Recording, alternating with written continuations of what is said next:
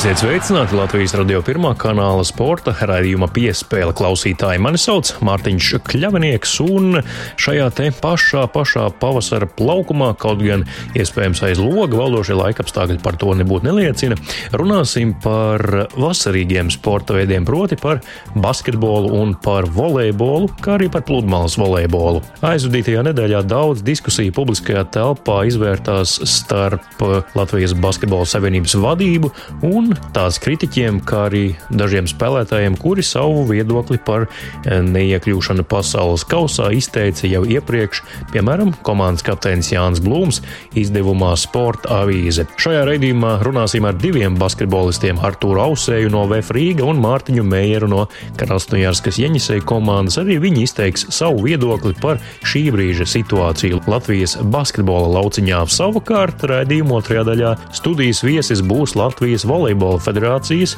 jaunais prezidents Jānis Buks. Viņš pastāstīs par pašreizējo situāciju Latvijas volejbola federācijā, kā arī par nākotnes attīstības plāniem šajā sporta veidā. Tas viss jau pēc īsa brīža.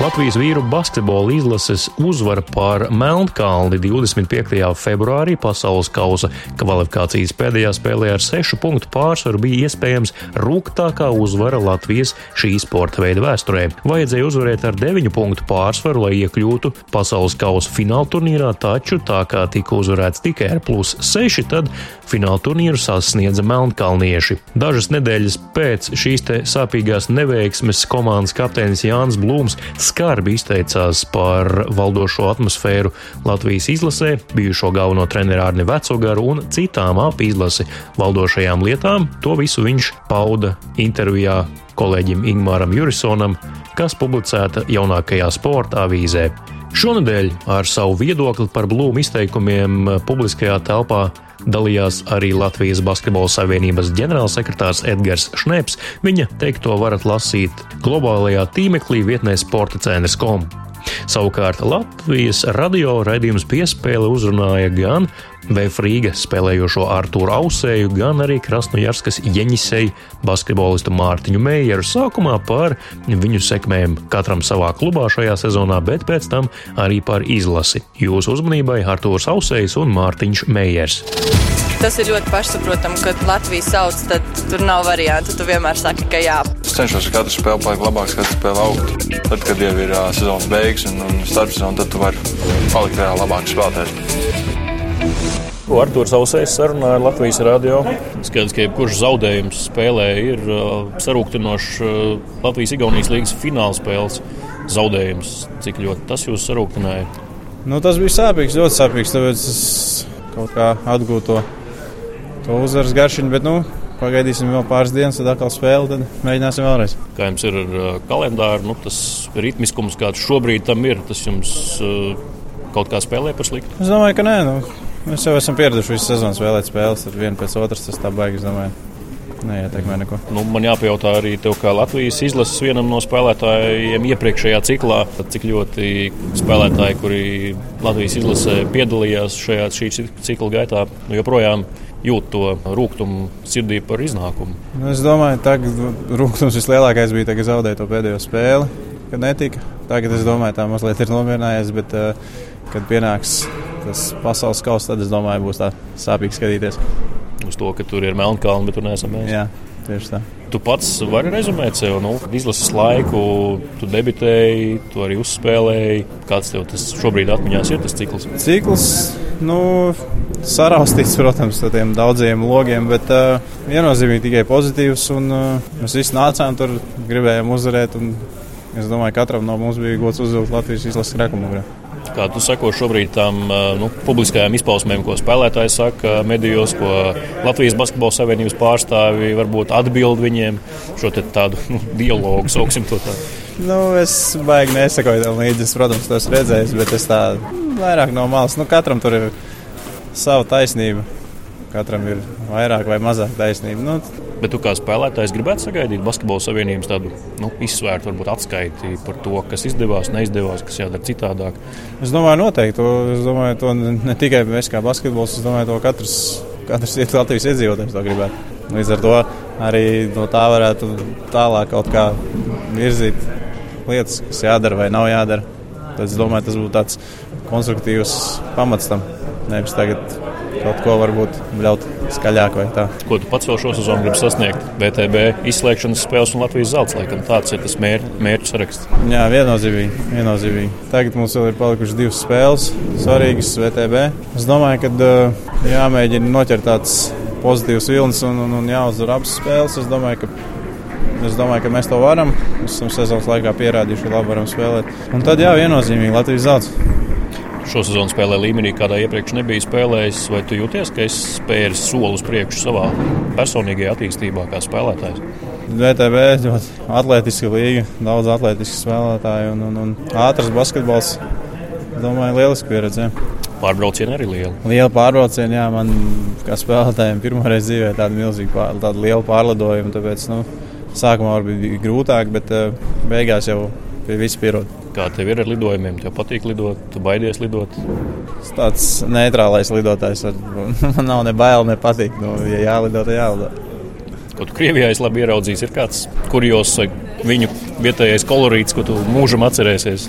Nu, tāds varbūt kaut kas izteikts, noteikti nē, bet nu, patīk uh, ar vērienu. ar vērienu. Tūkstošu vidū, bet ar vērienu. Tieši tā, jā, ar vērienu. Mārtiņa svarīga uzvara. Jaņisai komandai es saprotu, ka prieka ģērbtuvē pietiekami liela, jo emocijas varēja dzirdēt arī caur durvīm un sienām. Jā, un, protams, mēs jau zinājām, ar ko mums jāreikinās šodien, kad ļoti izšķiroša spēle. Mēs arī zinājām, ka VFM tā ļoti izšķiroša ir. Teikšu tā, ka nu, spēle bija ļoti smaga, un tur pat no tiesneša mums īsti nelitinājām, bet nu, ar to mēs arī reiķinājāmies, ka tā būs. Un, es esmu ļoti priecīgs, ka mums beigās kaut kādiem diviem sodiem nu, izdevās uzvarēt. Kāds ir mikroklimats šajā sezonā Ieņģisēju komandā? Mikroklimats varbūt eh, es jau gribētu, protams, labāk, bet, nu, kā jau mums vienmēr, es jau esmu paspēlējis šur tur apkārt, un es jau šeit arī gribētu būt labāk, bet, nu, grūti jau ar to mikroklimatu tādu tā kā uzlabot, jo amerikāņiem varbūt tik grūti ir, kā, Mums ir viena spēle, var teikt, nedēļā. Mums pat reizēm ir tā, ka ir trijās nedēļās viena spēle. Ir, es uzskatu, arī, ka tas spēļu bats ir diezgan liels. Un, tāpēc arī varbūt tā izskatāmies, ka mēs tik daudz taustamies un uh, īsti nezinām, kādās situācijās, kā, kā nospēlēt. Es arī kā, cenšos vairāk Krievijas piesaistīt pie amerikāņiem un ar amerikāņiem. Es tikai pa vidu skaitos apmēram. Starp, jo tu pārzini abas valodas? Jā, es pārzinu abas valodas un es cenšos kā, vairāk, jo bieži vien Krievija nesaprot angliski un zin, kā, man tur jāpasaka viņiem, ir, kā, ko viņš tieši īsti domāja ar to. Un, zin, kā, tas, protams, to mikroklimatu diezgan daudz patraucē, jo valodas barjera ir diezgan liela un tas, ar, tas man vienīgais, kas man nepatīk. jo treneris arī mums nerunā angliski, un mums ir tulks. Bieži vien sanāk tādas visādas trikīgas situācijas, kad īsti nesaprotam, ko īsti treneris domāja. Vai... Bet treneris Oļegs Kulovs ir tāda kolorīta personība. Viņš, piemēram, pēc šīs spēles pataisno devās ārpusē uzpīpēt, laikam, no stresa. jā, tas viņam tāds rituāls ir. Patīk šādas lietas. Un, kā jūs teicāt, spēle bija diezgan smaga, un uh, viņam arī viņš arī droši vien pārdzīvoja. Lau Mārtiņa otrā sezona Sibīrijā pie tā vispār var pierast. Pie Sibīrijas, pie Krievijas kolorīta, pie vispārējā. Nu, es teikšu, tā es esmu diezgan ar biezu ādu, jo tur arī tur laiks diezgan pamatīgs, jau mīnus 40. Tā, nu, Pagājušajā bija mīnus 40, šogad bija kaut kāds mīnus 35 vairākais. Nu, protams, ārpus pilsētas bija pat pār mīnus 40, bet pilsētā siltāks. Bet uh, es teikšu tā, ka nu, pārlidojumi ļoti smagi ir, jo tur ir 4,5 stundas jau līdz Maskavai, un vēl pēc Maskavas mums vienmēr jālido tālāk uz kādu pilsētu, uz VTB. Tā kā, piemēram, pagājušajā gadā mums bija arī Champions League, tad sanāca mums vēl trakāk braukāt uz Eiropas valstīm. Un, bet nu, tas ceļš ir diezgan tāls no tās Sibīrijas. Un, bet nu, es arī cenšos domāt pozitīvi, un, uh, ja tu domās pozitīvāk, tad jutīsies labāk. Un, kā, bet nu, jāmēģina maksimāli atjaunoties un būs labāk rezultāti vēl uz vienu sezonu Sibīrijā parakstītos? Nu, es nezinu, skatīšos, kāda man būs piedāvājuma, kas būs uh, vadībā. Tur, es domāju, ka kaut ko vairāk redzēsim. It kā mums daudz spēles vairs nav palikušas, bet jānospēlē līdz galam. Vajadzētu mums tajiem playoffs. Šāns ir un, zin, kā šodien arī uzvarējām. Tā kā ļoti patīkami. Es domāju, ka nu, iespējas ir tikt. Es domāju, ka mums jākāpā maksimāli. Tad mums astoņi jāpaceļ būs nākamā spēle. Par Kīmkiem arī tur arī mums bija mājās bija ļoti smaga spēle varējām arī kaut ko aizcerties, bet nu, kaut kā kaut kā sanāca, kā sanāca. Bet, nu, nekas jāskatās uz priekšu, un varbūt Kimka mums nav tā jāuzdara. Autodara ļoti labi spēlē, un tā kā mēs varbūt varētu mājās viņus pacelt. Pozitīvas emocijas šodien, bet man te jāuzdod jautājums arī, kas saistās ar mielēm un negatīvām emocijām. 25. februārī tu joprojām atceries Latviju Melnkalni? Uh, nu, jā, protams, atceros, un uh, diezgan liels akmens ir no rīta. Tā, zin, kā, tas, protams, ka nāk līdzi, bet nu, mazliet, mazliet mums pietrūka, lai mēs tur varētu tikt tālāk. Bet, nu, Nu, ko darīt? Nu? Tu jau seko droši vien līdzi arī tam, ko gan komandas biedri publiskajā telpā saka, gan eh, Basketbola savienības vadība. Tu esi plauktiņiem salicis tā. Nu, kas tur pietrūka, kas varbūt bija jādara citādāk, vai tu par to neesi tā domājis, analizējis? Es teikšu tā, ka es par to īsti nedomāju, un man par to nav jādomā lai savienība par to domā. Un, uh, es, protams, aizstāvēšu Latvijas godu, un uh, es gribu, lai mēs kā, uzvarētu, bet nu, mums sanāca, kā mums sanāca, un varbūt arī veiksme nebija mūsu pusē. Un, un, un, un, kāpēc tā, es tā nevaru īsti pateikt, bet uh, sanāca, kā mums sanāca. Bet par tām ārpus lietām, ārpus komandas lietām, tu piekrīti Jānis Blūmam, ko viņš teica sporta vīzē? Varbūt arī piekrīt. Tas jau mums jau sen tā ir bijis. Es domāju, ka nu, nu, ko es tur biju daudz runāt, jo es arī es centos atdot visu sev izlasē. Es to arī vienmēr turpināšu darīt. Mēs esam tikai spēlētāji, un kā, mēs tur arī, mēs, protams, darām, ko treneris saka. Sekos līdzi jaunā galvenā treneru izvēles procesam. Varbūt tev ir savas domas, tam jābūt latvietim, ārzemniekam. Uh, protams, ka sekošu, un tas diezgan nozīmīgi ir. Un, uh, par treneru izvēli arī nu, jāskatās, kas tur būs. Un, uh, es varbūt arī varbūt atbalstītu ārzemnieku, varbūt kaut kādā tādā kaut kāda savādāka taktikas, varbūt, nu, tajā, bet, nu, protams, arī palīgiem jābūt varbūt, nu, latviešu treneriem tāda, ko izlems savienībai, kas tur īsti notiksies. Nu, tad novēlu tev vēl šo sezonu uzspēlēt arī VTB izslēgšanas cīņās, un tad jau uh, par izlasi domāt, tad, kad par izlasi būs jādomā, un arī vasarā gal galā atpūsties. Jā, nu, vasarā arī es jau sev ierēķināju, jau diezgan smagi darbi, jo es arī beidzot būs tāda brīvāka vasara, kurš varēšu vairāk patrenēties, jo katru gadu arī izlasēju, zin, kā tur visu laiku trenējās, jo tur ir savādāks tas sagatavošanās cikls. Un, Šo, šogad varēšu tā īsti saraut nu, tā savu formu un arī tehniku. Un, domāju, tas tikai palīdzēs. Tu joprojām piekopi to ikdienas rutīnu, kā to darīji VF komandā. Uztur ziņā liela disciplīna, tā lai pats laukumā justos labāk.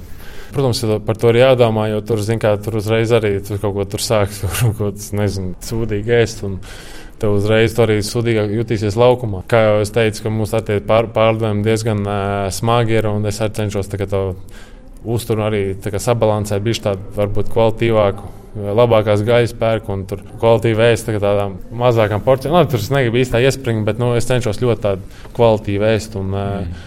Ne, tik daudz nečītot, protams, arī vajag pačītot kaut ko, kaut ko tādu no paēst. Bet, nu, Es cenšos ļoti labi ēst, un tāpat kā savai ģimenei, es cenšos, lai būtu maksimāli kvalitīvāks ēdiens un lai būtu lai labāki rezultāti. Paldies, Mārtiņ, tad caur kvalitatīvu ēdienu uz augstiem rezultātiem. Jā, paldies! paldies, paldies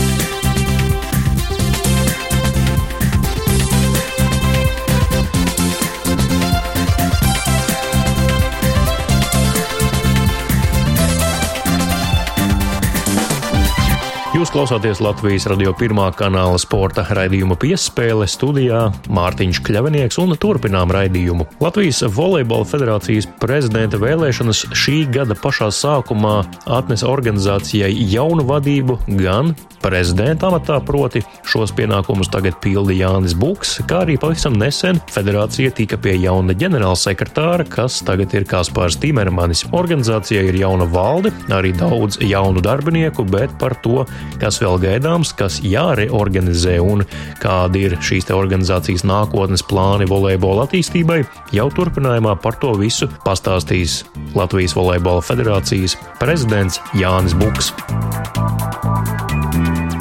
Nesen Latvijas Volejbola federācijā bija varas maiņa. Ilgadējais prezidents Atis Sausnītis um, atstāja savu prezidenta krēslu uh, līdz ar visu iepriekšējo valdi. Arī ģenerālsekretārs nesenākajās dienās ir jauns Volejbola federācijai Kaspars Timermans, bet ir arī, protams, jauns prezidents, un tas ir Jānis Buks, kurš jau pāris mēnešus ir šajā amatā, un viņš arī šodienas studijas viesis. Vai esat jau apradis ar nu, vairs ne tik jaunu amatu, jo pāris mēneši tomēr ir jau bijuši, lai pierastu. Esat sapratis, kā būt, kā dzīvot, kā rīkoties. Tās simts dienas uh, tradicionālās nav pagājušas, vēl tās, laikam, tuvākajā laikā jā, apritēs. Mēs esam no, jauni cilvēki un ātri mācāmies, un tagad nu, virtuvi iepazinām ļoti, ļoti ātri īsā laikā. Es domāju, ka mums ir diezgan liela skaidrība. Nekāda milzu pārsteiguma nenāk ārā jau varam sākt likt tādu sistēmisku skatījumu uz priekšu nākotnē. Un jūs jau arī, cik es eh, nopratu, un arī pats ar jums runājot, izsecināju,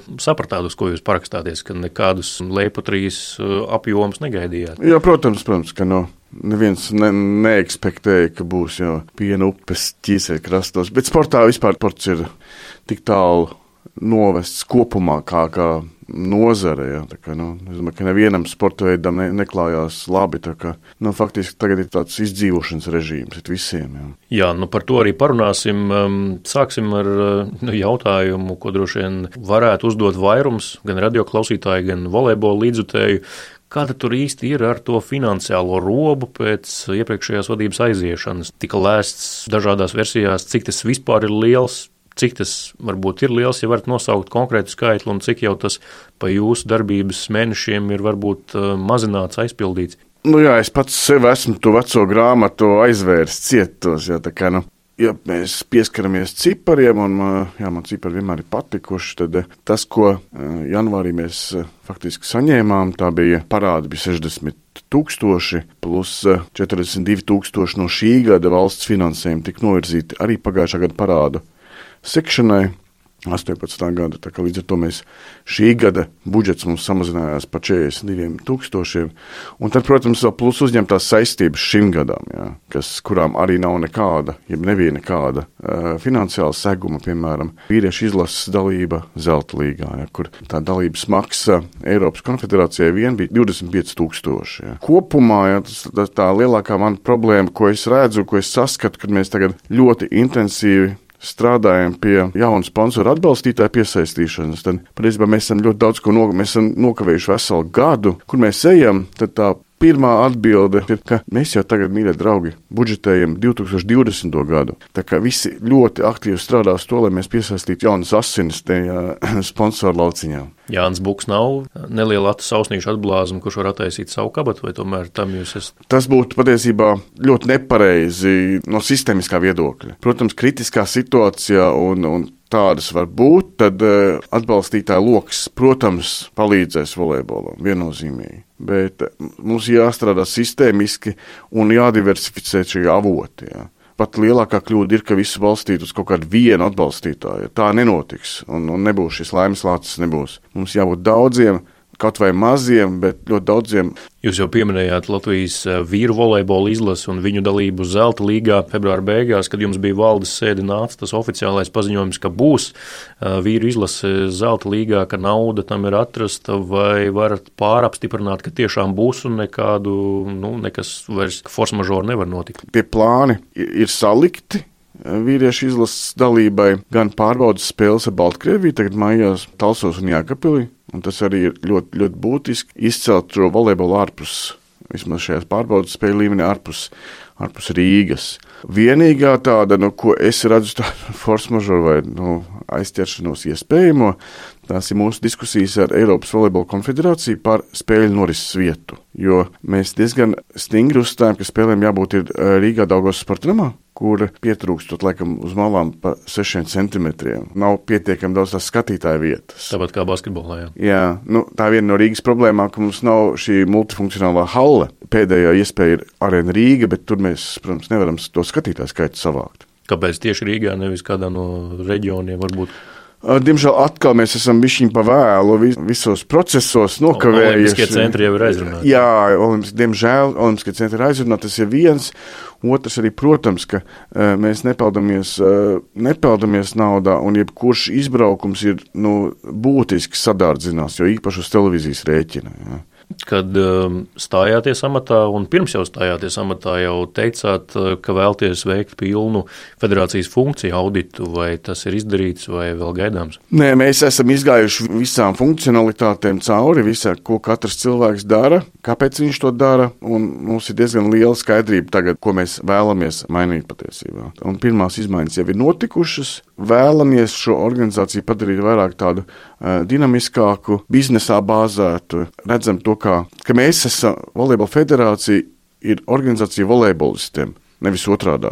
Funkcija audits ir paveikts, ir, ir skaidrība, ko mēs gribam veikt, un pirmās izmaiņas ir paveiktas. Viens no mm, nu, tādiem vitāliem, svarīgiem lēmumiem, kas bija jāpieņem arī valdei, bija mm, jautājums par vīru izlases galveno treneri. Beig beigās tomēr lēmāt, kā Vokēls paliek šajā amatā. Kāpēc un eh, cik varbūt ilgas bija diskusijas ar pašu treneri? Mēs lēmām eh, par abiem treneriem, abu izlases treneriem, gan Ingu un Minus kā sieviešu izlases treneri, gan Avokielu kā vīriešu izlases treneri. Primārā darba izvēr, izvērtēšana notiek treneru komisijām. Vienbalsīgi, absolūti vienbalsīgi, bez, bez jebkādiem iebildumiem, rekomendēja apstiprināt Avokielu kā valsts vienības treneru nākamajam ciklam.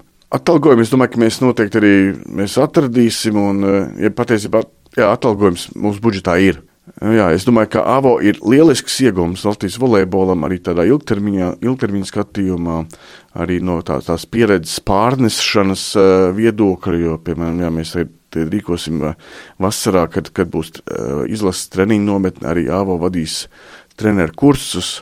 Kā, nu, tā, tā pieredze arī Latvijai tiks nodota. Atceramies, ka Āvo bija tas, kurš eh, ieveda Igauniju Eiropas čempionāta finālā vairākas mm. reizes. Kā, nu. kā varbūt uh, sabalansēt to attīstību vai uzmanību vīru un dāmu izlasē, jo dāmas nereti ir sūdzējušās vēl arī iepriekšējās vadības laikā, ka viņām tā uzmanība ir mazāka, apstākļi varbūt netik labi kā vīriem nodrošināti Kā jūs centīsieties to sabalansēt? Tas arī bija viens no mūsu solījumiem arī ievēlēšanas laikā, ja, ka mēs centīsimies ja šo eh, sieviešu volejbolu pacelt eh, jaunā, jaunā saulītē. Un patiesībā man, man ir tāda sajūta, ka tas tādā vēsturiskā griezumā tas ir bijis nedaudz diskriminēts. Ja. Ja, es esmu arī personiski uzņēmies tādu tā kā krustēlu lomu par sieviešu izlasi. Ja. Par sieviešu volejbolu kopumā mums ir, ir jāstrādā pie tā, lai šo vienlīdzību kā tādu sasniegtu. Divos, trīs gados mums ir jāpanāk, ka, ka sieviešu volejbols ir citā kvalitātē. Arī no volejbola sabiedrības un no federācijas attieksmes viedokļa dāmu un vīru vietējie čempionāti volejbolā, klubu sacensības. Nu, pēdējos gados tas līmenis vismaz vīriem tiešām šķietam ir krities. Kāda varētu būt tā attīstība, uz ko strādāt, kā attīstīt un pacelt atkal līmeni? Šī brīža tās federācijas vadības viedoklis, mēs, mēs skatāmies vairāk uz to, uz, uz, uz bērniem un jauniešiem un sākt no šī pamata. Un tas ir tas, kā mēs varam veidot nākotnes volejbolu. Ja? Jo tie kas ir tagad pieaugušie, nu viņi, viņi labāk nespēlēs. Viņi spēlē tā, kā viņi spēlēs. Tie bērni, jaunieši, ja mēs viņos investēsim, tad viennozīmīgi mums izaugs daudz jaunu, jaunu talantu. Un jau tagad, ja mēs skatāmies uz tiem jauniešiem, junioriem, tur ir ļoti tādas spēcīgas. Eh, nu, šobrīd saukt viņus par zvaigznītēm, ja, bet viņi ir tādi maziņi diamantiņi, bet kad viņi jā, izaugs un tiks nopulēti, tur varētu būt jauni, reāli Eiropas līmeņa talanti perspektīva ir jaunu bērnos, jauniešos. Tādēļ uz viņiem ir jāskatās. Tāpēc mums ir tik liels uzsvars arī stratēģijā uz jauniem treneriem, ja mums trūkst jaunu treneru, uz infrastruktūru. Arī tagad mēs eh, divas nedēļas atpakaļ bijām Lozannā, Startautiskajā volejbola federācijā. Kā izrādās, kas, ko arī mēs neesam izmantojuši, tur ir vesels četras programmas dažādas Startautiskās volejbola federācijas biedriem, un mēs noteikti pieteiksimies gan uz, eh, jā, tur ir iespējas treneru kursiem, vai treneru piesaisti vai infrastruktūrai, piemēram. Jā. Domājam vairāk jā, par to infrastruktūru kā tādu, it sevišķi infrastruktūru, volejbola infrastruktūru reģionos. Jā. Tas uh, sportiski un par um, spēlētājiem, bet lai viņiem būtu kur spēlēt, lai būtu klubi, tāds sistēmisks risinājums ilgtermiņā ir iespējams. Lai nebūtu tā, ka pašvaldībai vairs neinteresē jaunajam mēram volejbols un kluba nav. Šo problēmu vakar tieši pie tevis tas mēs apspriedām ar, ar Mārtiņu Pičevski. Šeit nekādā veidā šie sporta veidi nekonkurē. Un, kā zināms, ir izcils piemērs, piemēram, Jēkabils Lūši, kā sporta klubs, kā piramīda, vai handbolā esot jā, Ludus Latgals. vakar mēs kādreiz diskutējām pie tā, ka mums vajadzētu izveidot sistēmu, kā mēs strādāt, kā mums jāstrādā būt ar, no sporta veida puses ar, ar pašvaldībām, lai sāktu veidot šos klubus. Jo tur, kur mēs redzam, kur ir klubi, tur tiek gatavot no bērnu kājas līdz lielajai komandai. Ja? Tā kā, jā, pie tā tiek domāts, un es domāju, ka tur mums jā, tiešām ir jākooperējās un jākoordinē savas darbības kopā vairākām sporta veidu federācijām, lai, lai, lai šo sistēmu izveidotu.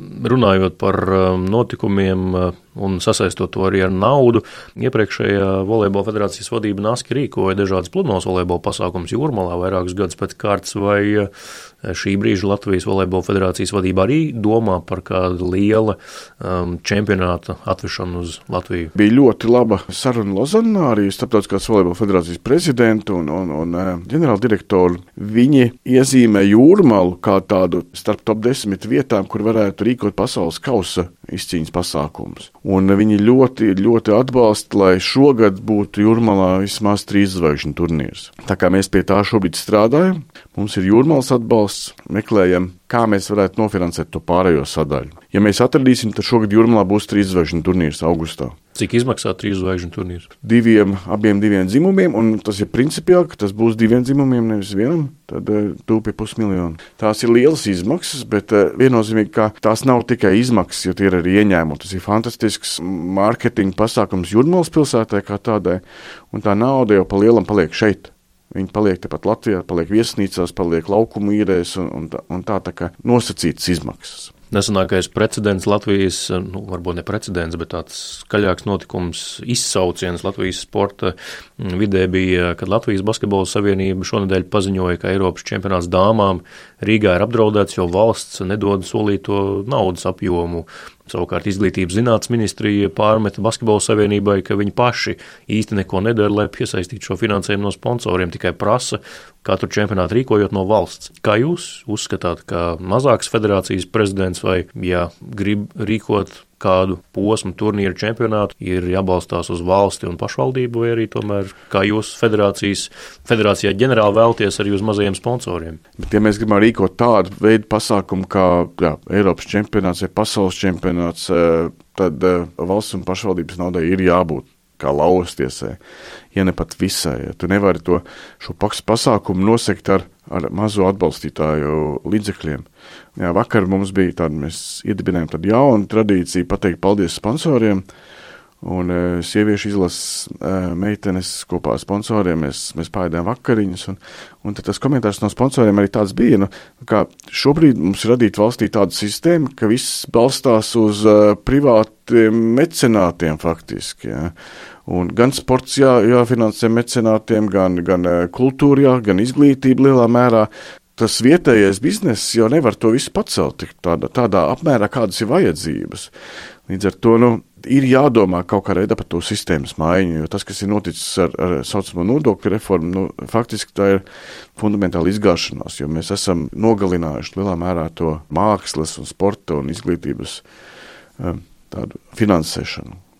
Jā, bet droši vien, ka ir nepieciešams kaut kāds kontrols mehānisms, kādā veidā mēs to uh, izkontrolējam. Jā. Bet nevis, ka nogriezt ar nāzi, ka tas nenotiek vispār. Tāda lūk saruna šodien Latvijas radio sporta raidījumā piespēlē Latvijas volejbola federācijas eh, prezidentu Jāni Buku.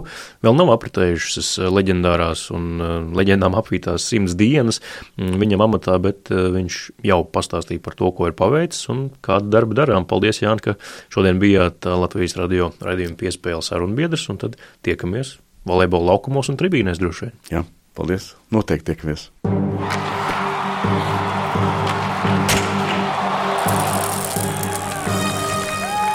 Sporta raidījums piespēle šoreiz izskan, to veidoja un vadīja Mārtiņš Kļavinieks, bet par labskaņu parūpējās Nora Mītspapa uz sadzirdēšanos.